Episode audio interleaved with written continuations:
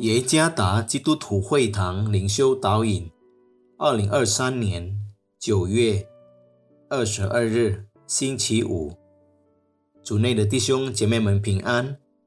今天的灵修导引，我们要借着圣经马太福音五章十三到十六节来思想今天的主题：机器人牧师。作者朱思杰传道。马太福音五章十三到十六节：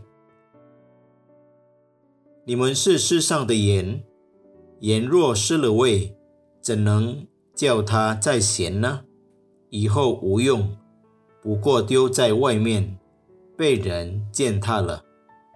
你们是世上的光，曾照在山上，是不能隐藏的。人点灯，不放在斗底下。是放在灯台上，就照亮一家的人。你们的光也当这样照在人前，叫他们看见你们的好行为，便将荣耀归给你们在天上的父。前些时候，日本早稻田大学研发出一款机器人，名为山豆。这款机器人是为了满足那些因新冠肺炎大流行而无法去教堂敬拜的人之需求。使用人工智能开发的三朵机器人，据说是困难时期的理想解决方案。三朵可以带领、崇拜、讲道，甚至回答一些已经。给他设定好的问题。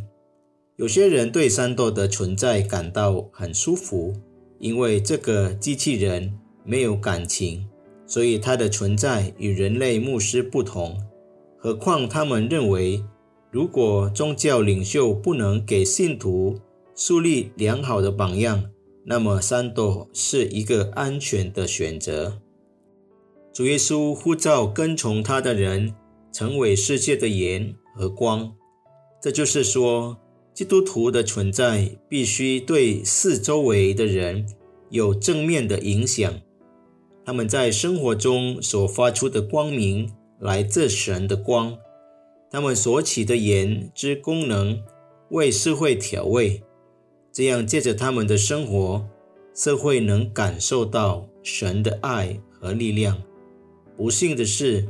有些信徒的生活经常暗淡无光，他们的行为淡而无味，甚至有些属灵领袖不是很受人敬慕，因为他们还没为大家树立好的榜样。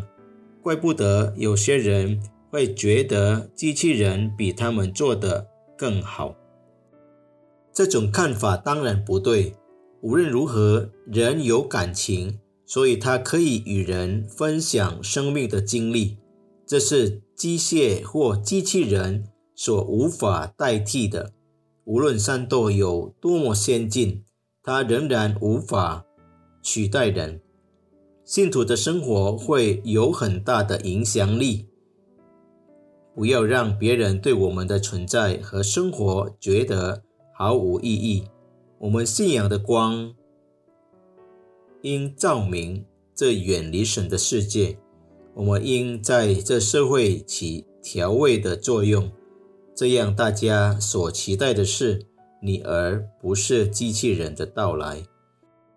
你的存在必须让别人能真正的看到基督。愿上帝赐福弟兄姐妹们。